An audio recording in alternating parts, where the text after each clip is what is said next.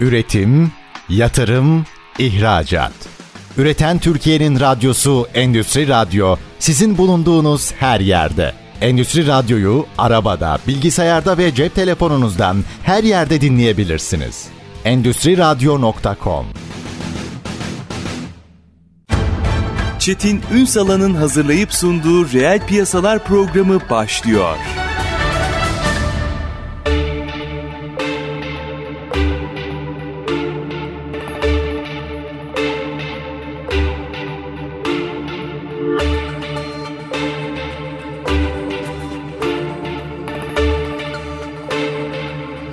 Reel piyasalardan merhabalar. Türkiye'nin gerçek gündeminde birlikteyiz efendim. Ekonomi dönüşüyor. Bunu hep konuşuyoruz. Hep altını çiziyoruz. Fakat burada sadece izlemek değil, burada aktör olmak önemli. Bütün bunların yani bütün bu dönüşümün anahtarı da aslında yazılım felsefesine bakın. Bence üretmekle ilgili bir sorunumuz yok. Felsefesine sahip olmakla alakalı. Bu konuyla ilgili bilincin artmasıyla ilgili çok uğraşan, zaman zaman telefon bağlantılarıyla da sizlerle buluşturduğumuz bir ismi ağırlıyoruz bugün efendim. Sosyal Teknoloji Enstitüsü lideri ve sözcüsü PAT kurucu ortağı Murat Kader. Bugün reel piyasaların konu. Sayın Kader hoş geldiniz. Hoş bulduk. Merhabalar efendim. Nasılsınız? Var olun sizler de iyisiniz. Teşekkür ederim. Üstad açacağım. Nereye doğru gidiyoruz? Hepsini hepsini açacağım ama ilk önce galiba işin felsefesinden başlamak gerekiyor. Yazılım bizim uzay yoluyla birlikte gördüğümüz ampullerden ibaret kalan bir teknolojik gelişim gibi algılanır halde. Elbette bu konuyla ilgili çok ciddi bir sektörel yapılanma oluştu. Bir bilinç var ama asıl bu sektörün hitap edeceği kesimde bir genişlemeye yol açmamız gerekiyor. Yazılım ekosistemi desem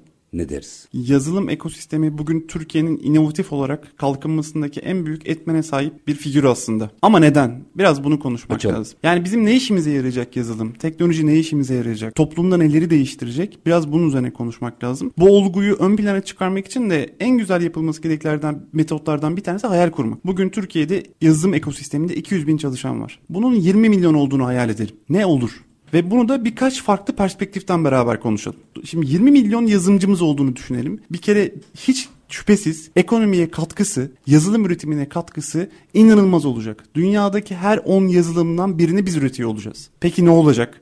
Ürettik de ne olacak? Bugün Hindistan 245 milyar dolarlık bir teknoloji ekosistemine sahip. Bize Sadece yazılımla alakalı. Yazılım ve teknolojiyle alakalı. Yazılım üreterek. Yani bizim ihracatımız kadar. Bizim Türkiye'deki teknoloji ekosisteminde, yazılım ekosistemindeki değerimiz 3 milyar dolarlarda. Toplam ihracatımızı kastetmiş. Dolayısıyla 20 milyon yazılımcı ile beraber bizim 300-350 milyar dolarları yakalamama gibi bir ihtimalimiz yok. Ve çok daha hızlı. Trilyon dolarlara doğru gidiyor konu. Birincisi ekonomiye katkı katkısı aslında. Biraz daha farklı bakalım. Algı yönetimini konuşalım. Bugün 20 milyon yazılımcımız olduğu zaman 200 bin 20 milyon. Amerika'da 8 milyon var. Hindistan'da 5.1 milyon var. Türkiye'de 20 milyon yazılımcı olduğunu düşünelim. Facebook, Instagram, Markalara WhatsApp. girmeyin. Sosyal medyalar. Bunun gibi birçok telefonda kullanmış olduğumuz örnek. Bugün Türkiye'de insanlar her 15 dakikada bir telefonuna bakıyorlar. Baktıkları uygulamaları biz geliştirmiyoruz. Neye Sıkıntı göreceklerini biz seçmiyoruz. Işte. Sıkıntı burada. Bu algıyı biz yönetmiyoruz. Bugün bu ismini vermek istemediğim uygulamalar dünyanın birçok yerinde ekonomiyi, siyaseti, algı yönetimini, satın alma istatistiklerini yönetiyorlar. En kritik olan da o satın alma istatistikleri zaten. Ya satın almayı ve ekonomiyi yönetirseniz diğerlerini yönetirsiniz zaten. Gelecek 5 senede, gelecek 10 senede neyin nasıl yapılacağını, insanların nasıl karar vereceğini değiştiriyorlar. Biz eğer bunu üretmeyi başarırsak 20 milyon yazılımcı olduğunu hayal ediyoruz. Gelecek bu uygulamalardan birini bizim yaptığımızı hayal ediyoruz. Sonraki geleceğe de biz karar veriyor olacağız.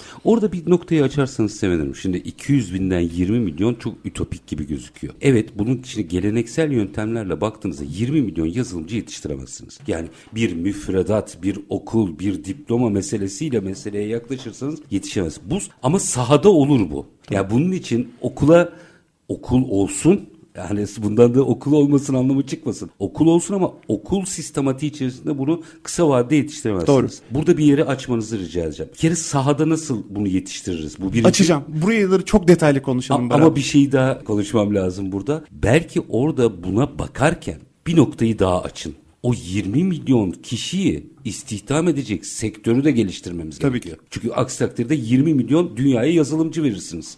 Yine bir işe yaramaz. Bunda da bir sorun yok. Biz Evet günün ama- sonunda kend- sadece kendi ülkemiz değil dünyayı değiştirebilecek bir vizyona doğru koşuyoruz. Ve bunu buna yapabilir kudretteyiz. Buna yapabilir sayıda insanımız var. Ekosistemi Buna yapabilecek cesaretlerimiz ettikten var. sonra. Tabii ki.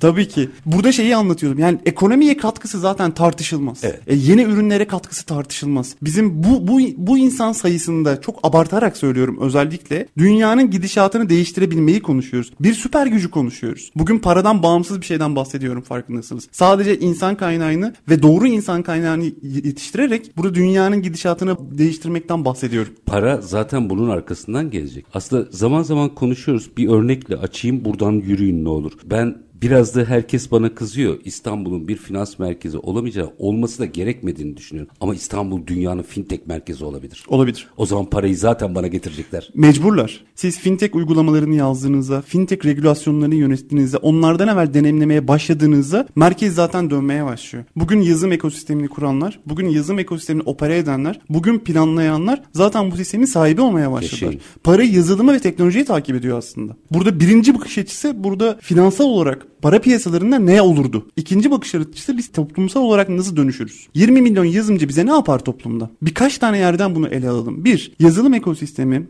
Teknoloji ekosisteminde çalışan insanların algıları çok açık. Sorgulamaya çok müsaitler ve talep ediyorlar. Teknoloji altyapımız kendi kendine dönüşmek zorunda kalır. Bugün kullanmış olduğumuz internet hızları kendi kendine talep yüzünden artmak zorunda kalır. Bugün Japonya dünyanın en hızlı internetine sahip. En hızlı internetine sahip olduğu için biz sadece mesaj göndermekte uğraşırken onlar 3 boyutlu bir odada karşılıklı nasıl oturur sohbet ederiz diye konuşabiliyorlar. Bunu ilk deneyimleyebiliyorlar. Bunun üzerine ürün üretebiliyorlar. Ve bizim teknoloji anlamında dönüşümümüzün tamamını rehberlik eder burası aslında. Bir diğer taraftan deprem bugün bir gerçek.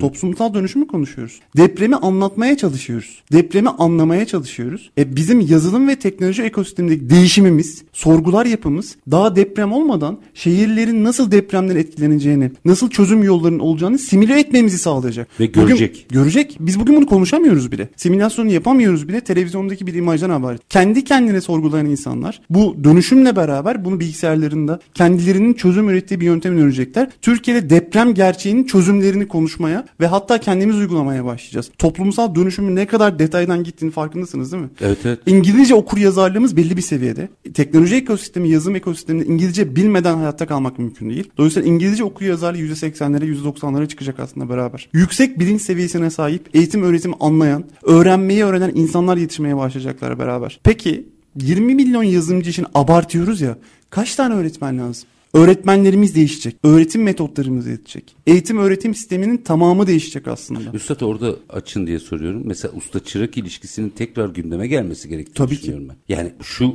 alanda yani 20 milyon kişiyi tek başına yet- demin dedim ya mümkün ama zaman alır. Öyle bir zaman yok. Bunu kendi içerisinde çarpan etkisiyle bir kar topu gibi yapmamız lazım. Şu alerjileri e, dindirmek için biz yazılımcı olmaktan bahsetmiyoruz. Biz kod yazmaktan bahsetmiyoruz. Biz teknoloji okur yazarı olmaktan, yazılım okur yazarı olmaktan bahsediyoruz. Her meslekte yazılım ve yazılım ekosistemini anlayabilmekten bahsediyoruz. Bizim anlattığımız biraz da bu. Çünkü genlerimize işlenmiş birkaç tane kas var. Yazılım deyince, teknoloji deyince ya evet bu çok zekilere göre evet ya burada kod yazmak geliyor diye konular kapanıyor. Aslında böyle değil. Bunlar Kodsuz bize teknolojiler tartışılıyor bugün. Bunlar bize yüklendi. Genlerimize işlendi. Filmlerle beraber işlendi. Radyo programlarıyla beraber işlendi. Müziklerle beraber işlendi. Yazılımcılar, hackerlarla beraber ilişkilendirildi. Konu böyle değil. Konu çok daha basit. Herkesin kağıt kalem kullanarak, anlayarak, temel bilgi seviyesinde, temel bilgi düzeyinde anlayabileceği algoritmalar var. Sadece bakış açımızı değiştirmeniz lazım. Yani aslında 20 milyon yazılımcıdan değil 20 milyon yazılım okur yazarlığı olan kişiden bahsediyoruz. Çok doğru. Bu yazılım kelimesinin yerine doğru bir kelime koymak lazım. Yani teknoloji okur yazarlığı, yazılım okur yazarlığı. Çünkü yazılım bize diyorum ya alerji yapıyor. Bizim anlattığımız dünyada bu tool'ları kullanarak, bu araçları kullanarak çok fazla şey yapabiliriz. Ve bizim ekosistemimiz çok kapalı bir ekosistem. İki tane teknoloji ekosistemden, yazı, yazılım ekosisteminden insan bir arada konuşurken üçüncüsü anlayamıyor onu. Terimler yüzünden değil bu arada. Bilmediği terim, bilmediği konular yüzünden. Bunun içine girmediği için. Kafada defans var. Kafada defans var. Bunu kırmamız lazım. Bunu kırmayı nasıl yapacağız? Hani aslında bunu konuşuyoruz biz. Biz bunu konuşurken nasıl teknoloji toplumuna dönüşürüze giderken biz bir şehirle başladık. Van Vali'nin inisiyatifiyle ya biz bunu bir şehirde nasıl yaparız? Van çok enteresan bir yer bu arada. Van yazıldığı zaman yanına nasıl yazılım yazarız? Google'a Bir arama motoruna yazıyorsunuz. Van yazıyorsunuz. Yanında yazım kelimesi gelsin. Bunu nasıl yaparız? Sadece burada teknolojiyi kandırmaktan bahsetmiyorum. İnsanların aklına da bunu sokmaktan bahsediyorum aslında. Doğrusal bir yöntem bu. Bunu nasıl yaparız diye kafa yormaya başladı. İlk akla gelen dışarıdaki bir insana sorduğunuzda üniversiteler açalım. Yazımcı yetiştirelim. E burada kalsınlar. E herkes burada yazım üretsin. Günümüz böyle çalışmıyor. Hiçbir yazımcı hiçbir şehirde kalmayacak. Herkes kendi istediği yerde, kendi istediği şekilde, kendi istediği parayla çalışıyor. Artık kaldığını zannediyor olabilirsiniz ama o dışarıya çalışıyordur. Merkeziyetçice bir yapı var şu anda. Yani fiziken orada olması bir anlam ifade Gerek etmiyor. yok. Önemli olan oradaki ekosistem için üretiyor olması. Yaşayın.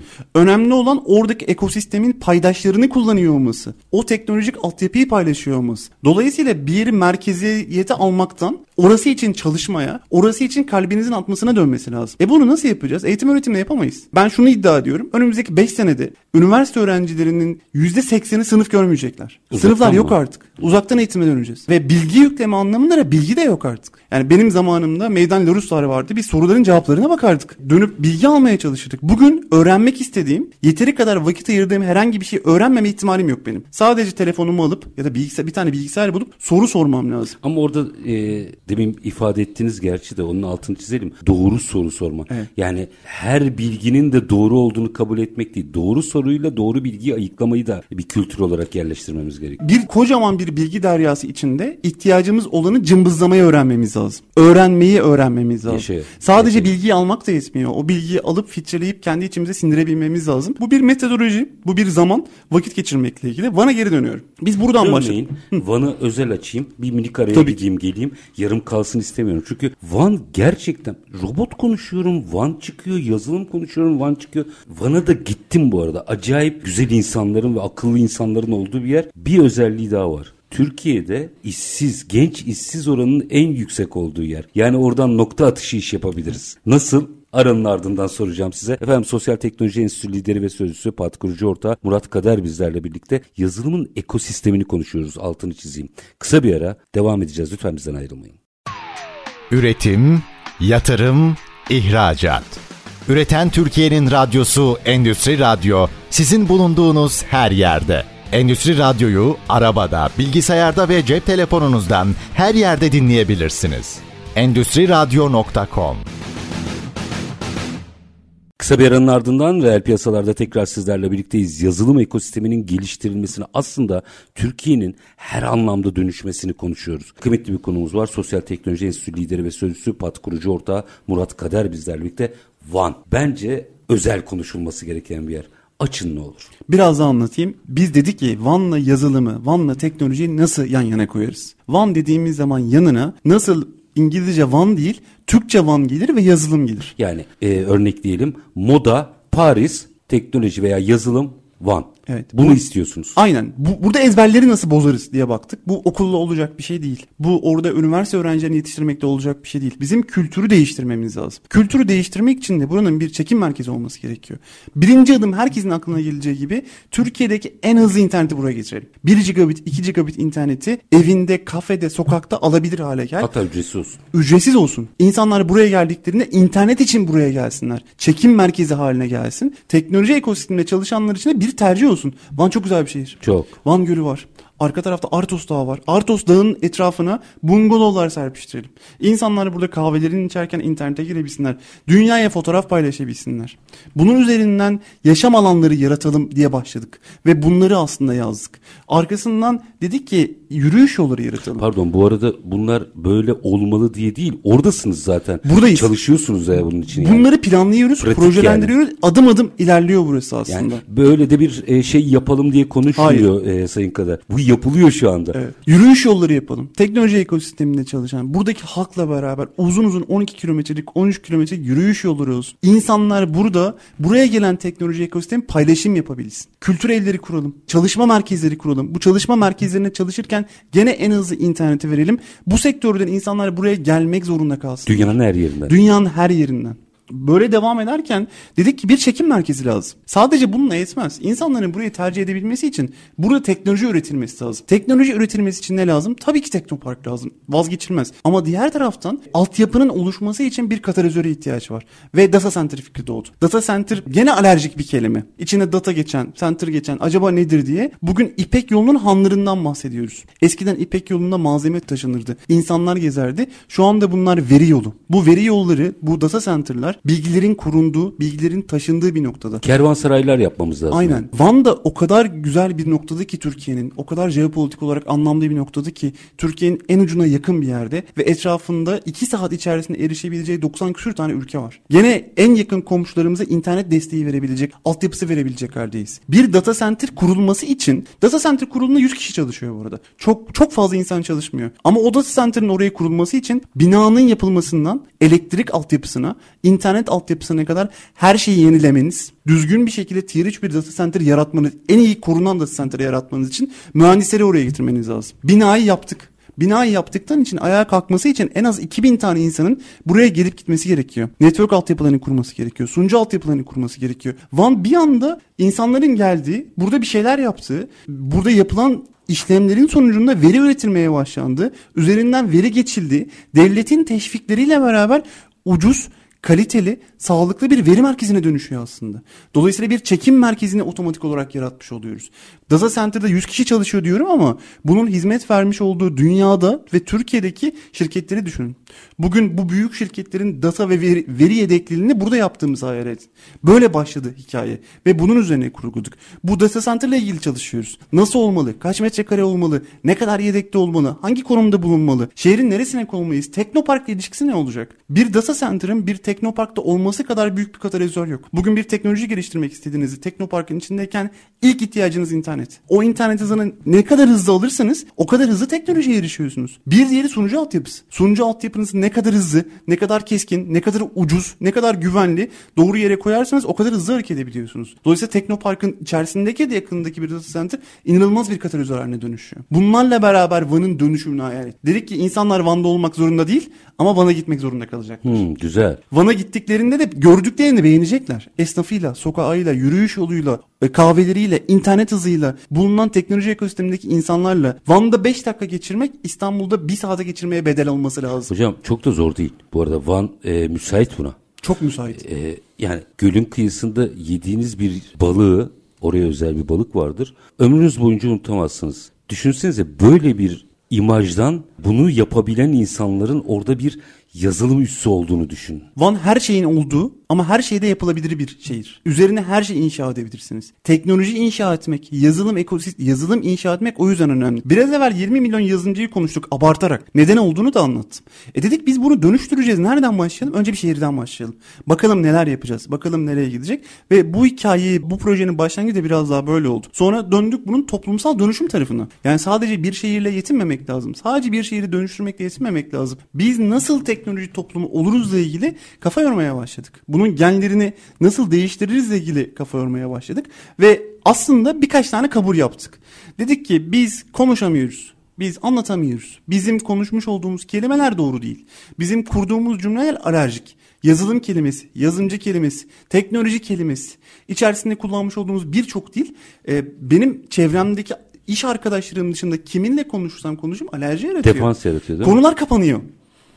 Halbuki biz teknolojiyi deneyimleyen değil, kullanan ve sonra üreten duruma geçmemiz lazım. Orada çok enteresan bir çelişki yok mu? Hazır sosyal teknoloji de demişken teknolojiyi kullanmak anlamında bu kadar yatkın bir milletin söz konusu olan onun metodolojisi ya da üretimi olduğunda defansif davranması çok büyük bir çelişki değil mi? Bence burayı düzeltmek lazım. Biz teknolojiyi deneyimliyoruz, kullanmıyoruz.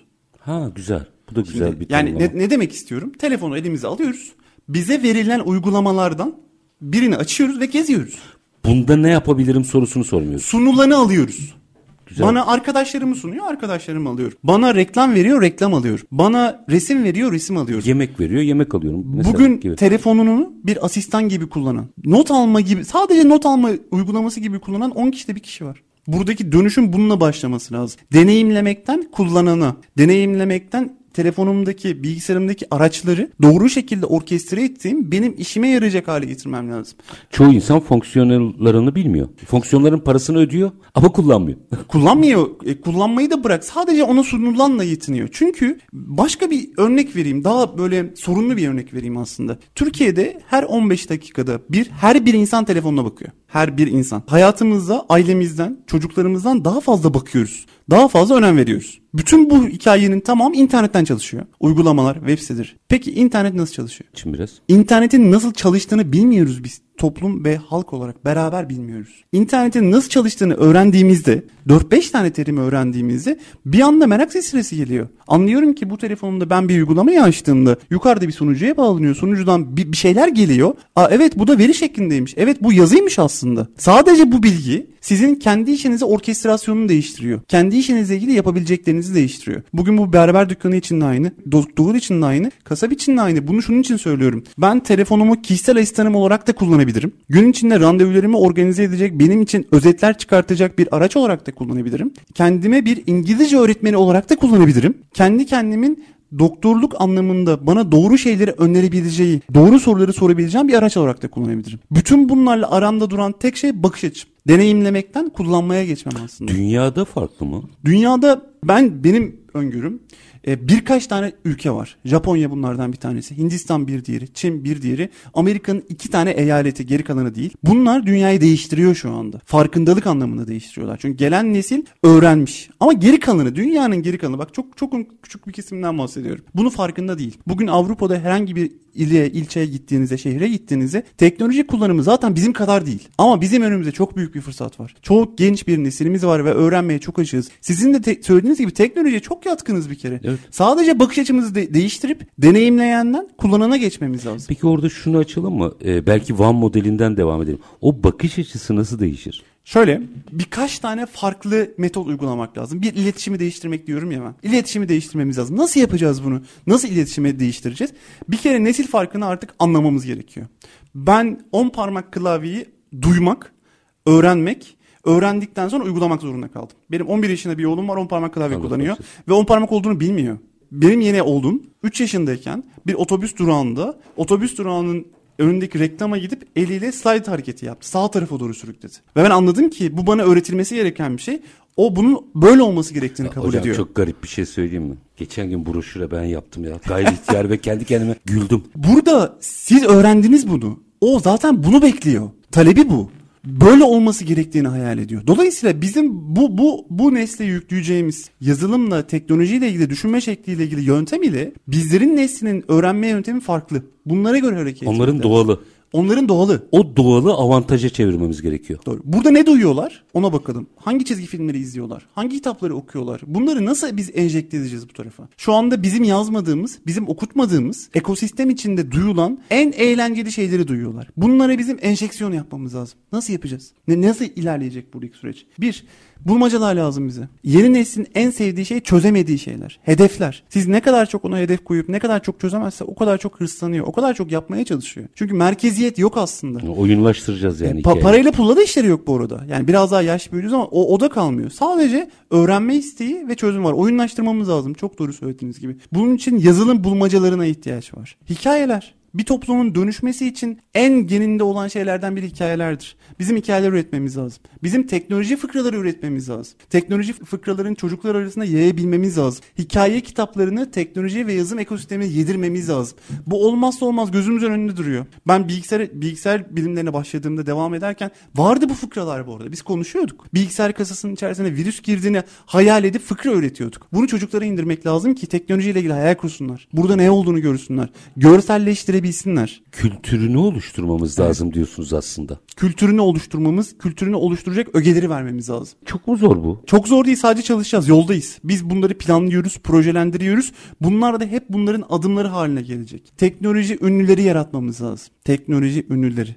Orada biraz sicilimiz bozuk gerçi de. E, mo- moda o ünlüden doğru şeyi anlamamız evet, lazım. Teknolojiyi liderlik eden, ön tarafta duran, arabasıyla, duruşuyla, konuşmasıyla, takım elbisesiyle, söylemiyle, İngilizce konuşmasıyla, birden fazla dil bilmesiyle, teknolojiyi kullanmasıyla, abartılı ya da değil, ünlülere ihtiyacımız yani var. Yani aslında Amerika'nın Elon Musk'ını yaratmamız lazım. Elon Musk'lardan lazım bize ve çok lazım. O tip bir figür Evet. veya bu, figürler. Bu figürlerin hem genç nesle hem sonraki nesillere hem de daha küçük çizgi film karakterlerine hitap ediyor olması lazım. Yani çoğu Bunlarla insan mesela Elon Musk'ın ne yaptığını bilmiyor. Bir sürü şey yapıyor da ne yaptığını bilmiyor. Ama Elon Musk'ı gördüğünüz anda teknoloji geliyor değil mi aklınıza? Tam Evet. da kastettiğiniz şey bu anladım. Tam kadarıyla. bunu kastediyorum. Elon Musk'ın Ahmet Bayraktar olduğunu hayal edelim beraber. Hmm. O ona özendiğimizi hayal edelim beraber. Onun gibi konuşmak istediğimizi söyleyelim. Onun bir sunumdaki konuşmalarını taklit etmeye çalışalım. Bu çok önemli bir kültürel yargı aslında. Bununla beraber dönüşüm başlıyor. Siz bir ürün üretmek üzerine, bir yazılım üretmek üzerine, teknolojiyi kullanmak üzerine bir araç haline konuşmaya başladığınız zaman bu bulaşıcı,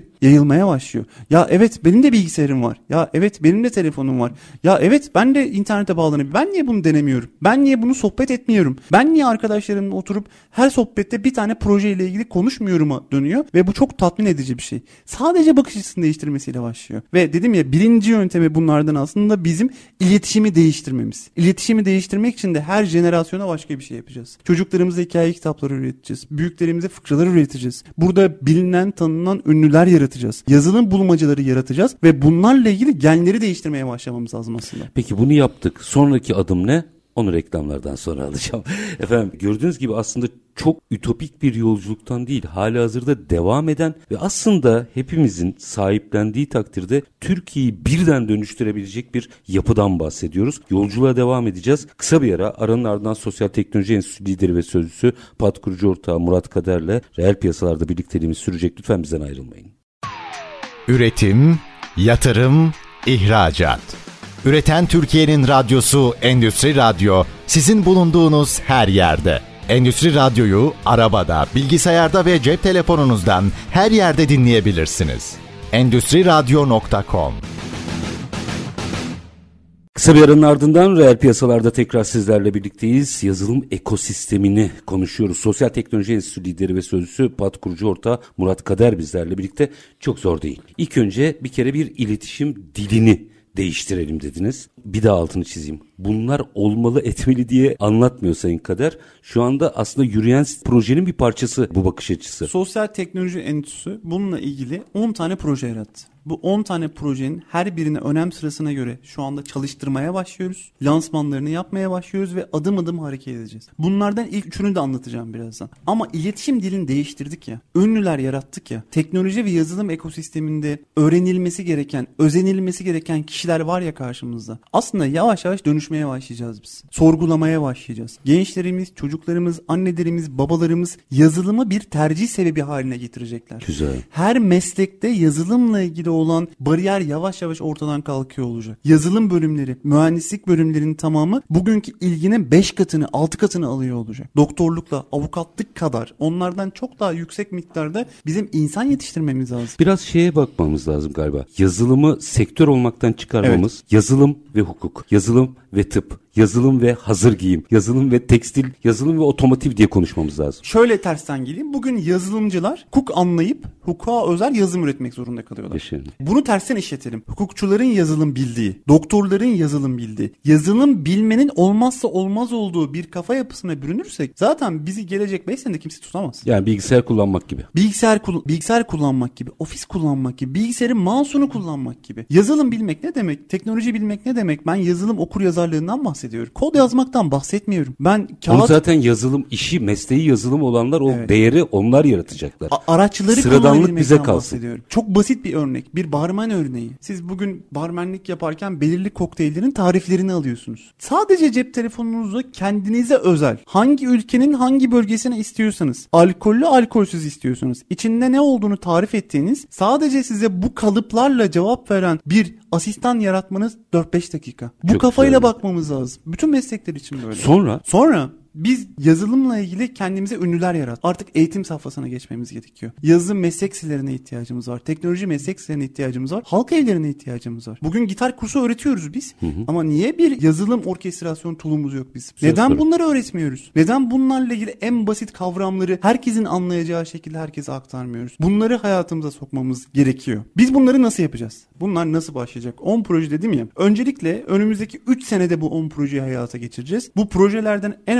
önemlisi Üretenler Kulübü. Türkiye'nin her ilinde binden fazla yazılım mimarı, uzmanı kendi işini geliştirmek isteyen, özellikle bir soruna bir soruyla gelen herkese mentorluk yapacak. Her soruya cevap arayacağız beraber. Burada önemli olan cevabı bulmak değil, soruyu sordurmak. Tabii. İnsanların soru sorabileceği bir platform yaratmak. Yola çıkarmak yani. Yola çıkarmak. Kendi işini nasıl yaparım diye sorgulatmak. O günkü hayatındaki bir saati nasıl 5 dakikaya indiririm diye sorgulatmak. Ve üretenler kulübünün içerisine koymuş olduğumuz uzmanlar bu sorularla ilgili size doğru yol göstericiliği yapacaklar. Siz soruyu soracaksınız, sorunu üreteceksiniz. Sorun üretmek de bir meziyet bu arada. Tabii. Bir günü geçirirken neyle ilgili ne vakit harcadığınızı düşünmüyorsanız, hayatınıza çıkan önlemleri sorun olarak daha tespit etmediyseniz bunların çözümünü bulamazsınız. Bu burayı hedefliyor. Üretenler kulübü ses çıkartacak. Ses çıkartında sorular sorulacak. Sorulara cevaplar verilecek. Belki 10 milyon soru sorulacak, 1000 tane proje çıkacak. Ama sadece bunun sesi insanların düşünme şeklini değiştirecek aslında. Üretenler kulübünü bu yüzden kurmaya çalışıyoruz. Bu yüzden hayata geçirmeye çalışıyoruz. Bir diğeri eğitim öğretim. Bu işin vazgeçilmez bir parçası öğretmenler. Biz bütün öğretmenleri eğitemeyiz. O kadar kuvvetli değiliz. Ama biz bütün öğretmenlerin hayatını değiştirebiliriz. Nasıl? Teknolojiyle.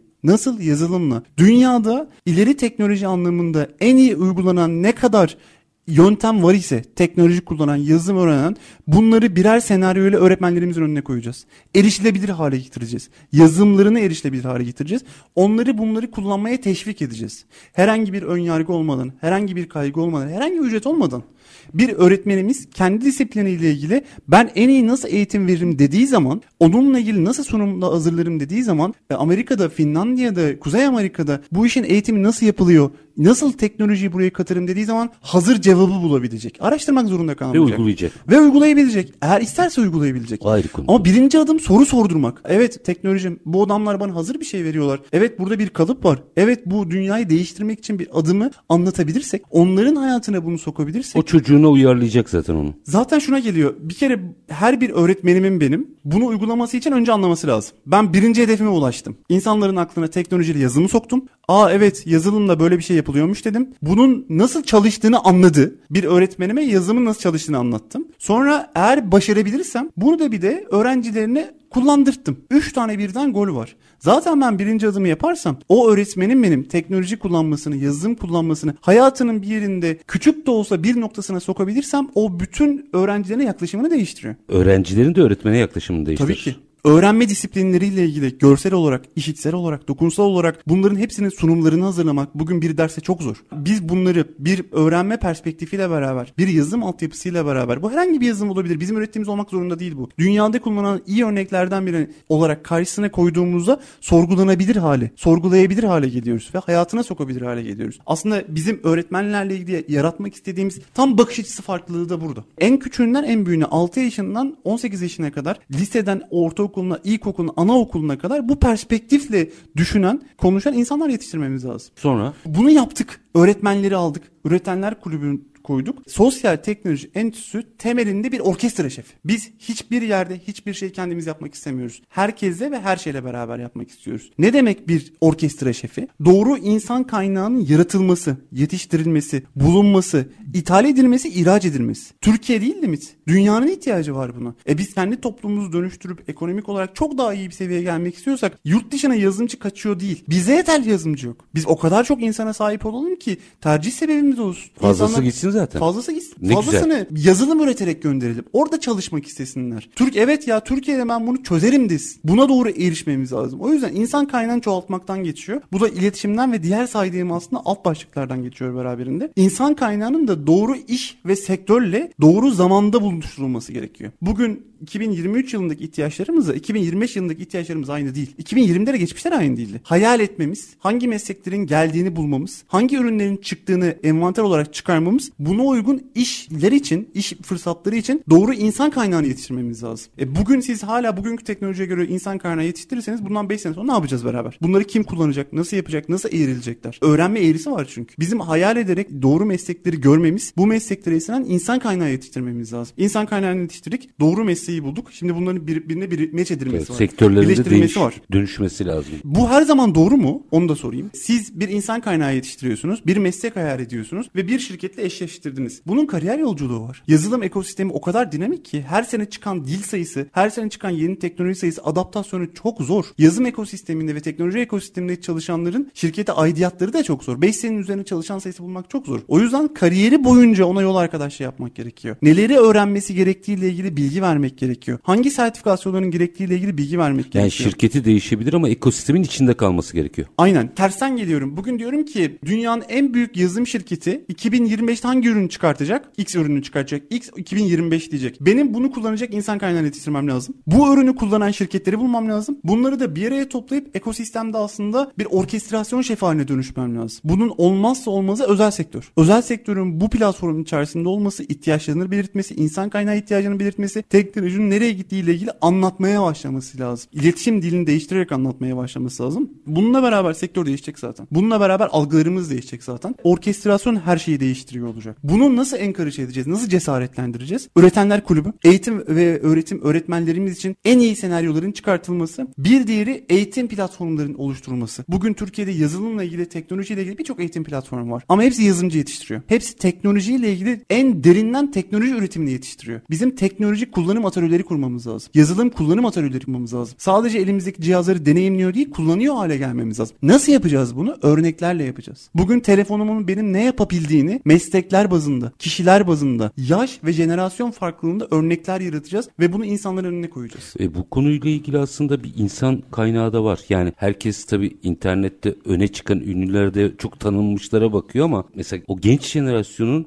bizim belki de tanımadığımız çok ünlüleri var. Var. Olmaz olur mu? Açıyorlar, dinliyorlar. O ne yapmış dur diyor. Onu ben de yapayım diyor. Yani bir grup aslında kendi ekosistemini yarattı. Hani onu buna dahil etmek lazım. Tam da bu insanların konuşması gereken cümleleri sufle vermemiz lazım. Yani bugün internette geziyorsunuz, uygulamalarda geziyorsunuz. Chat GPT üzerinden, yapay zeka üzerinden para kazan. E, hayatını yüzde şu kadar daha performanslı hale getir. Tamam da nasıl? Nasıl yapacağım ben bunu? Ben bir doktorum, ben bir avukatım, ben bir esnafım. Ben hayatıma, telefonumu nasıl kullanır hale getireceğim? Bunun cevabı yok. Bunun cevabı anlatılmıyor. Bunun cevabını anlatır hale getirmemiz lazım. O yüzden biz bir kitap hazırlayacağız. Bu kitabın içerisinde her bir mesleğin hayatını nasıl teknoloji kullanabilir hale getirdiği, telefonunu, internetini nasıl hayatına sokabileceği, bunlarla ilgili daha performanslı, zamanını daha iyi kullanabileceği, daha fazla para kazanabileceği, ne yapabileceğini anlatmaya Çok çalışıyoruz. güzel bir iş bu. Her meslekten bir erbap bu defterin içerisine baktığıyla baktığında kendiyle ilgili bir cümle bulabilecek. Bu zaten düşünmeye sevk ediyor. Bu zaten evet ya benim zamanım yetmiyor artık. Evet benim daha fazla para kazanmam lazımın cevabını farklı bir yerden vermeye başlıyor. Para burada ilgi çekici olan kısım. Zaman burada Havuç. ilgi çekici olan kısım. Önemli olan düşündürmek. Ya evet önemli olan telefonum benim bu işe de yarıyormuş. Evet internetteki bir web sitesiyle ben bunu da yapabiliyormuşum gibi sadece bu ekosistemin içinde olanların değil herkesin konuştuğu bir bünyeye böleceğiz. Önümüzdeki kısa vadeli ilk üç projemiz bu aslında ve bunlarla dönüşümü başlatmayı hedefliyoruz. Ne aşamada? Bizim Aralık sonu itibariyle ilk projemiz Üretenler Kulübü çıkıyor ve bir lansman planlıyoruz. Bunu daha erken planlamıştık ama hem planlama uzun sürdü hem de daha çok ses getirmek ya hiç istiyoruz. acele etmeyin. Yani bırakın iki ay hepsi için söylüyorum. Bir ay, iki ay, üç ay geç iyi başlasın. Çok zor çok, biliyor musunuz? Çok tahmin ee, ediyorum. Zor olan kısım bunu yapmak değil. Zor olan kısım buradaki yorumlara katlanmak. Ben anlatıyorum, yazılımı anlatıyorum, ekosistemi anlatıyorum, teknolojiyi anlatıyorum. Herkes yazılımcı olabilir mi? Herkes teknoloji kullanabilir mi? Ya mühendis ol... bu değil konu. Konu yazılımcı, sadece yazılımcı üretmek değil. Konu bakış açısını değiştirmek, ses çıkacak projelerle insanlara sorgulatmak. Bununla beraber dönüşüm başlıyor. Çünkü temel bir sorun var az insan var. Az kaynak var. E ve biz bu sorunu aman yurt dışına gitmesin. Aman eğitim için önümüzdeki 5 sene daha fazla insan yetiştirelim diye çözmeye başlıyoruz. Bizim sadece yazılımcı ve yazılım ekosistemindeki insanlara ihtiyacımız yok ki. İnsanların bakış açısını değiştirmemize ihtiyacımız var. Bugün kendi kendinize web sitesi yapabileceğiniz, kendi kendinize mobil uygulama yazacağınız, kendi kendinize e-ticaret sitesi yapacağınız, kendi kendinize ERP yazacağınız, no code tool'lar, yazılım ürünleri tonla var. Sadece 3-4 kelimeyi Google'a yazmanızda ya da bir arama motoruna yazmanıza başlıyor. Bu hikayeyi başlatmak ama. Bu Bu hikayeyi dönüştürmek amaç. Ee, şimdi Avrupa'nın Silikon Vadisi Cambridge tarafında kuruluyor. Şimdi güzel hamle yaparsak Cambridge'i buraya Van'a kaydırabilir miyiz? Yapabiliriz. Sadece inanmamız, peşine koşmamız lazım. Biz koşuyoruz. Biz deniyoruz. Biz projeleri üretiyoruz. Destekleniyoruz da yapacağız. Yapmak zorundayız. Bence biz çok geride değiliz. Siz de söylediniz. Sadece doğru zamanda doğru hareketi yapmak için en doğru yıldayız. 2024 yılı bir dönüm noktası. Çok zor bir yıl biliyorum ama diğer taraftan bakış açımızı değiştirdiğimizde fırsatlarla dolu. Merkeziyetsiz olduğu için para kazanma anlamında, eğitim anlamında, internet hayatımızda olduğu için bakış açısı anlamında çok hızlı bir şekilde eğilebiliriz. Çok hızlı bir şekilde değiştirebiliriz. Sadece anlamamız ve değişmemiz lazım aslında. Burada bir şey daha galiba altını çizmek lazım. Evet 2023 de zordu, 2024 de zor olacak. Bunda yapılan hataların, yanlış ekonomi e, yaklaşımı hepsinin etkisi. Ama dünyada aslında bir devrim oluyor. Bunun sancıları aslında yani evet. bu da var. Şimdi bunu yok sayarsak diğerinden çıkamayacağız yine. Şöyle bakalım ekonomik kriz var. İşte çok zor bir zaman. Dünya kötüye gidiyor. Dönüşüyor dünya. Piyasalar dönüşüyor. Şimdi ama bu böyle bakmak var. Burası işin kötü yanı. Bir de rağmen diye bakmak. Ben bunlara rağmen ne yapacağım? Türkiye böyle büyük ülke. Biz Hayır, böyle ayakta kalıyoruz. Bunlara rağmen değil. Bunlar bence dönüşmek için büyük avantaj. Tabii ki. Doğru işleri yaparsanız. Sadece adım atmakla e, dilimizi değiştirerek, iletişimimizi değiştirerek, doğru projeleri doğru zamanda yayına koyarak çok hızlı dönüşebiliriz. Biz buna inanıyoruz. Biz bunun için aslında elimizi taşın altına koyduk. Ben bir yazılım şirketi sahibi olarak bunun için soyundum aslında. Temelde başladığım noktada insan kaynağıydı. Ya ben daha fazla insan kaynağına nasıl erişirim diye baktığımda dönüp öğrencileri gördüğümde, üniversiteleri gördüğümde ve oradaki çocukların gözündeki ışığı gördüğümde bir şey yapmak gerekiyor diye başladık. Ve sosyal teknoloji enstitünün temel tohumu bu oldu aslında. Ama orada sadece görmek değil, sanırım umudu da gördünüz. Tabii ki. Ya çocukları hissettiniz ki normalde ticari performansınızda devam eder. Kimsenin de sıkıntı yaşayacağını zannetmiyorum. Evet. Buna mecbur değildiniz ama bir şeye dertlenmişsiniz. Ya burada şöyle bir şey var. Bizim topraklarımız umut dolu, zorluklu evet ama o kırılmıyor ve siz doğru zamanda, doğru yerde, doğru insana dokunduğunuzda bir anda parlamaya başlıyor. Gençlerde o kadar büyük bir azim var ki, o kadar çok istek var ki, diğer yandan da o kadar çok negatifte kalıyorlar ki, bu bir ton ama saydı ki bunlara takılıyorlar. Bunları artık duymuyor olmaları lazım. Bizim bir şekilde iletişim dilini değiştirip onlara doğru sermaye yapısını, doğru öğrenme fırsatını ve cesareti veriyor olmamız lazım. İnanın en büyük eksiğimiz cesaret. Cesaret olduğu zaman üniversite öğrencileri özelinde, lise öğrencileri özelinde söylüyorum. Bambaşka bir yere geleceğiz ya. Doğru donanıma sahipler. Doğru yazım dilini biliyorlar. İngilizce öğrenmişler. Zaten bitmiş konu aslında. Ve hala kaygı var. Kaygılanacak hiçbir şey yok. Sadece denemeye başlamamız lazım. Sadece yolda kalmamız lazım beraber. Konuşmaya devam edeceğiz. Ben doyamadım çünkü bununla bunların çok daha fazla konuşulması gerekiyor. Biz bu ekosistemi tabii, tabii. yaratabilirsek ki bence Van'dan başlamış o kıvılcım. Önümüzdeki süreçte an be an takip edeceğim ben bu işi. Yüreğinize sağlık. Çok teşekkür ederim. Geldiniz bizi de anlattınız. Hatta zaman zaman bağlanıyorsunuz ve sizin evet, evet. bilgilerinize başvuruyoruz. Bence asıl dönüşüm burada başlıyor. Para aramak, para bulmak bunların hepsi elbette günlük işleri çözebilir ama geleceği çözmüyor. Evet. Geleceği çözdüğünüzde para geliyor. Çok doğru. Doğru yerden başlamamız lazım. Sayın Kader çok çok teşekkür ediyorum. Ben teşekkür ederim. Var olun. Sağ olun. Efendim biz bugün yazılım ekosistemi bakın yazılımcı değil yazılım ekosisteminin geliştirilmesinden bahsettik. Bu kullanıcı olmak. Çok güzel bir örnek verdi Sayın Murat Kader. Cep telefonumuza bakmakla kullanmak arasındaki farkı toplumsal olarak algıladığımızda ve 20 milyon okur yazar geliştirdiğimizde iş işin rengi birdenbire dönebilir. Ben bir daha sorayım. Avrupa'nın Silikon Vadisi Cambridge'de şu anda adım adım oluşuyor. Amerikan firmaları vesaire herkes oraya yatırım yapıyor. Van yeni adres olabilir ve bunun için 10 yıllara ihtiyacımız yok. Bir anda dönebilir. Biz detayları Sosyal Teknoloji Enstitüsü lideri ve sözcüsü Pat kurucu ortağı Murat Kader'le konuştuk. Her zamanki gibi bitirelim. Şartlar ne olursa olsun paranızı ticarete, üretime yatırmaktan, işinizi layıkıyla yapmaktan ama en önemlisi vatandaş olup hakkınızı aramaktan vazgeçmeyin. Hoşçakalın efendim.